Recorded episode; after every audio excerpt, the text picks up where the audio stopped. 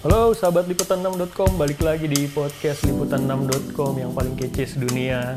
Kali ini dari Kana Regional bersama saya Ahmad Ibo dan Harun Red Mahbub. Red kita. Nah kita Mas Harun turun gunung nih setelah lama nggak di kantor nih ke mana aja nih Mas Harun? Ini saya berburu nabi-nabi palsu. Nah, nah itu nabi-nabi palsu. Sekarang ini lagi heboh-hebohnya.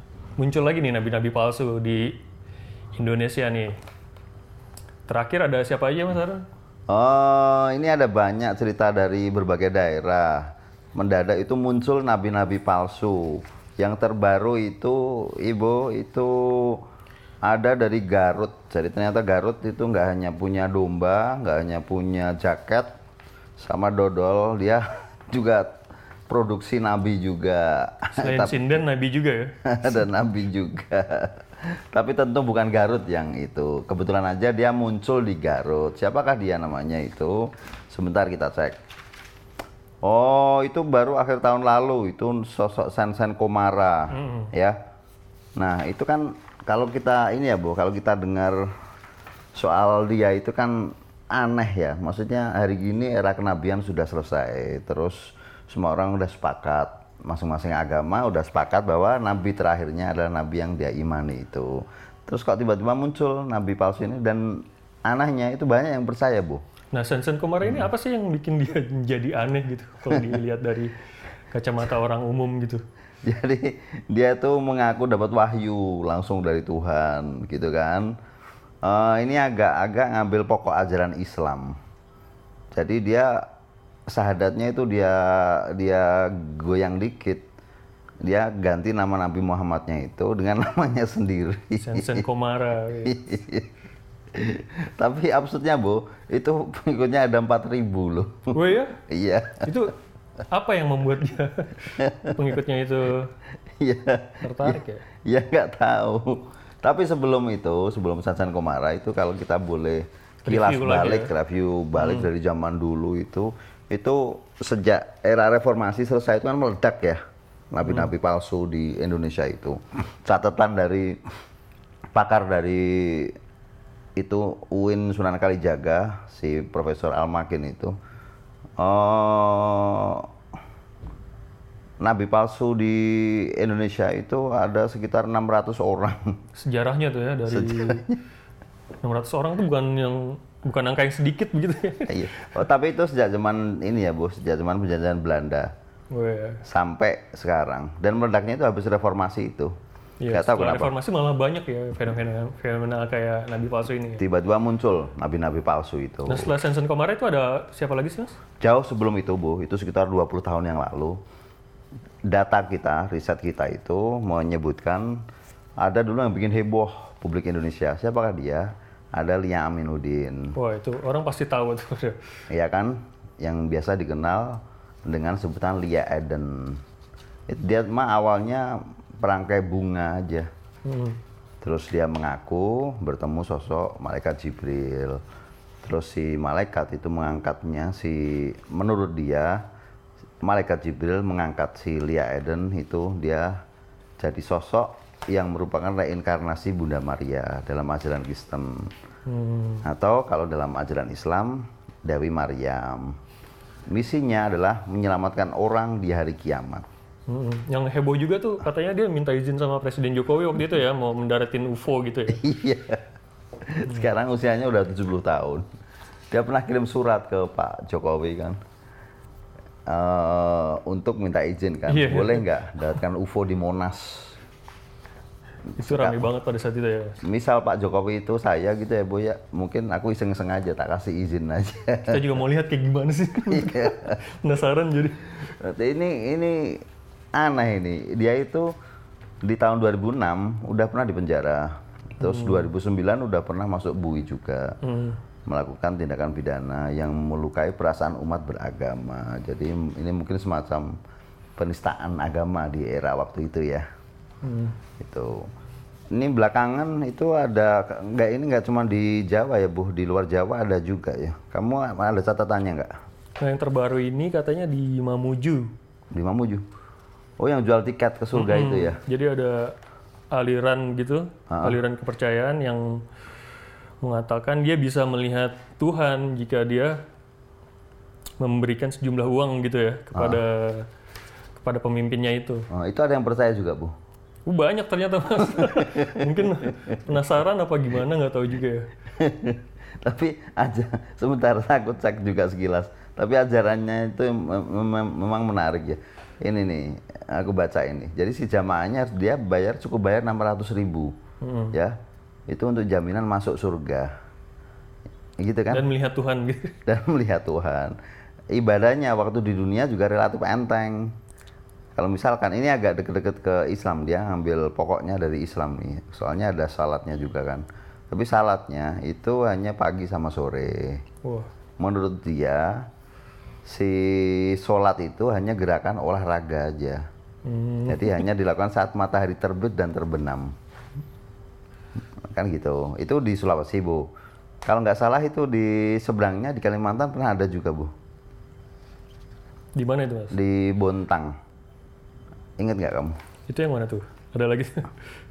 Di Kalimantan itu kayaknya sampai ini kok sampai apa namanya? eh, warga ngungsi. Itu sekitar tahun 2016 ya.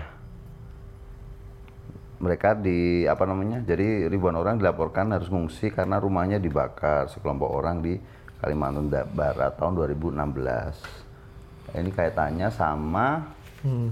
ajaran sesat ya. Hmm. Ajaran sesat. Nah yang di Toraja Kalau itu di apa tuh mas?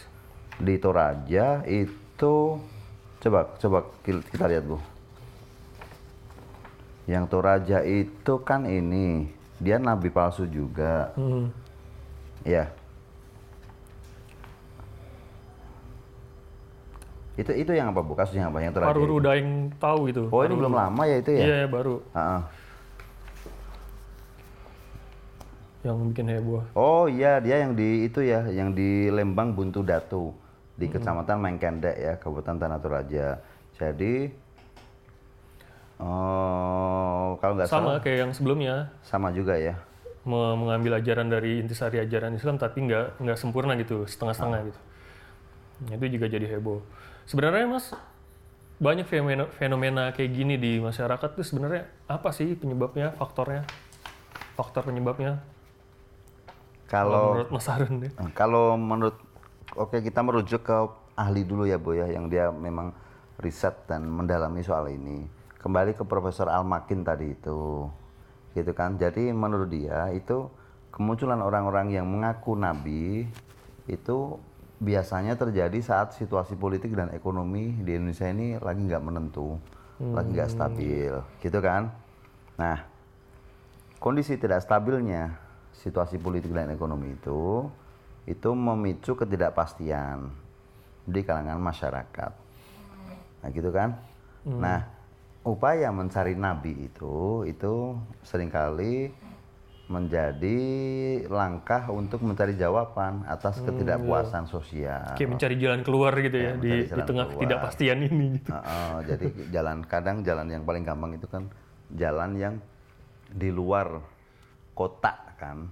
Ketika udah pusing-pusing nih, gimana nih mengatasi sulitnya cari uang jadi atau kalau melihat situasi kondisi politik yang masih berubah-berubah nih kemungkinan masih ada lagi nih nanti-nanti eh, nabi-nabi palsu bermunculan Nah bisa jadi bu. Yang menarik adalah itu si sosok nabi-nabi palsu itu, itu kok dia bisa demikian cepat ya menangkap peluang. Ini kondisi nggak stabil, kondisi lagi warga lagi galau dan sebagainya. Dia masuklah dengan mengaku mendapat semacam wahyu atau apa pun itu, jadilah dia nabi. Kalau nggak salah aku li- lihat kemarin itu yang nabi palsu di Sulawesi itu itu ternyata dia mau ditangkap polisi dia lari bu Iya. Nah pemerintah juga udah ngasih apa ya kayak ngasih batasan hukum gitu. kan ada pasal 156 ya kalau nggak salah ya ah tentang aliran sesat dan nabi palsu ini bakal dipidanakan gitu. Kalau menurut Mas Harun gimana? jadi kalau aku sih simpel saja kalau itu ternyata memicu keresahan masyarakat terus dia mengganggu nilai norma yang berlaku dan sebagainya dan emang dari sisi hukum sudah terlarang ya memang harus ditindak. Tapi kan kebebasan beragama di sini kan dijamin, Mas. Iya, tapi Gitu. Uh, uh, tapi kan kita sudah punya koridor ya. Wih. Koridor ada beberapa ada beberapa agama-agama yang memang sudah resmi diakui oleh Hmm. oleh pemerintah gitu ya. Jadi ya apa yang dia perbuat pasti ada konsekuensi di mata hukum gitu ya. Pasti pasti ada bu. Itu tapi setidaknya ini kalau dari sisi perspektif kita santuy agak santuy gitu ya. Ya ini potret Indonesia sih ya. Maksudnya Indonesia itu semua itu bisa jadi lucu ya. Selain cinta palsu, harapan palsu, alamat palsu, kita juga punya ternyata nabi palsu kan gitu.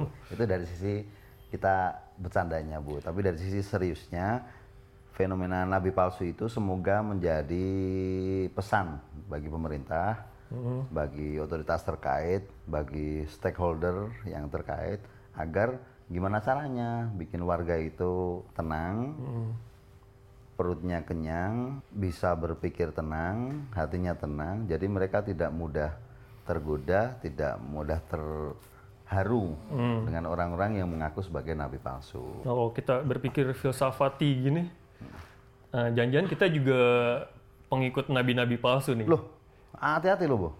iya, maksudnya kita gimana? kita udah banyak orang sekarang kan udah men- apa ya menabikan uang gitu, menabikan jabatan. Jangan-jangan kita ayo kita berpikir lagi, jangan-jangan kita yang pengikut nabi palsu kayak gitu. Iya sih? Iya sih? Iya bisa juga. Tapi insya Allah kita tetap menjadikan jabatan, uang, profesi dan sebagainya itu Wanita. hanya wanita, tahta dan sebagainya itu hanya sarana bukan tujuan. Nah, Udah. menarik. Oke, kita selesaikan dulu podcast kali ini. Eh, Tetap waspada kalau ada orang-orang yang mengaku-ngaku sebagai nabi palsu. ya, cek dulu keasliannya. Cek dulu keasliannya. Mungkin bisa dipakai tiga cara diraba, dilihat, diterawang dulu Diterawang. gitu. Ini asli apa palsu? tapi tapi dari sisi kita orang beriman dengan agama masing-masing ketika ada orang sudah mengaku sebagai nabi ya kita sudah jelas jawabannya gitu Oke, ya ini pasti bukan lagi aspal tapi sudah pasti palsu Oke, selesai. terima Oke, kasih sampai di sini podcast liputan6.com dari kanal regional. Saya Ahmad Ibo dan Harun Mahbub sampai jumpa di podcast selanjutnya. Salam. ya selamat sore assalamualaikum warahmatullahi wabarakatuh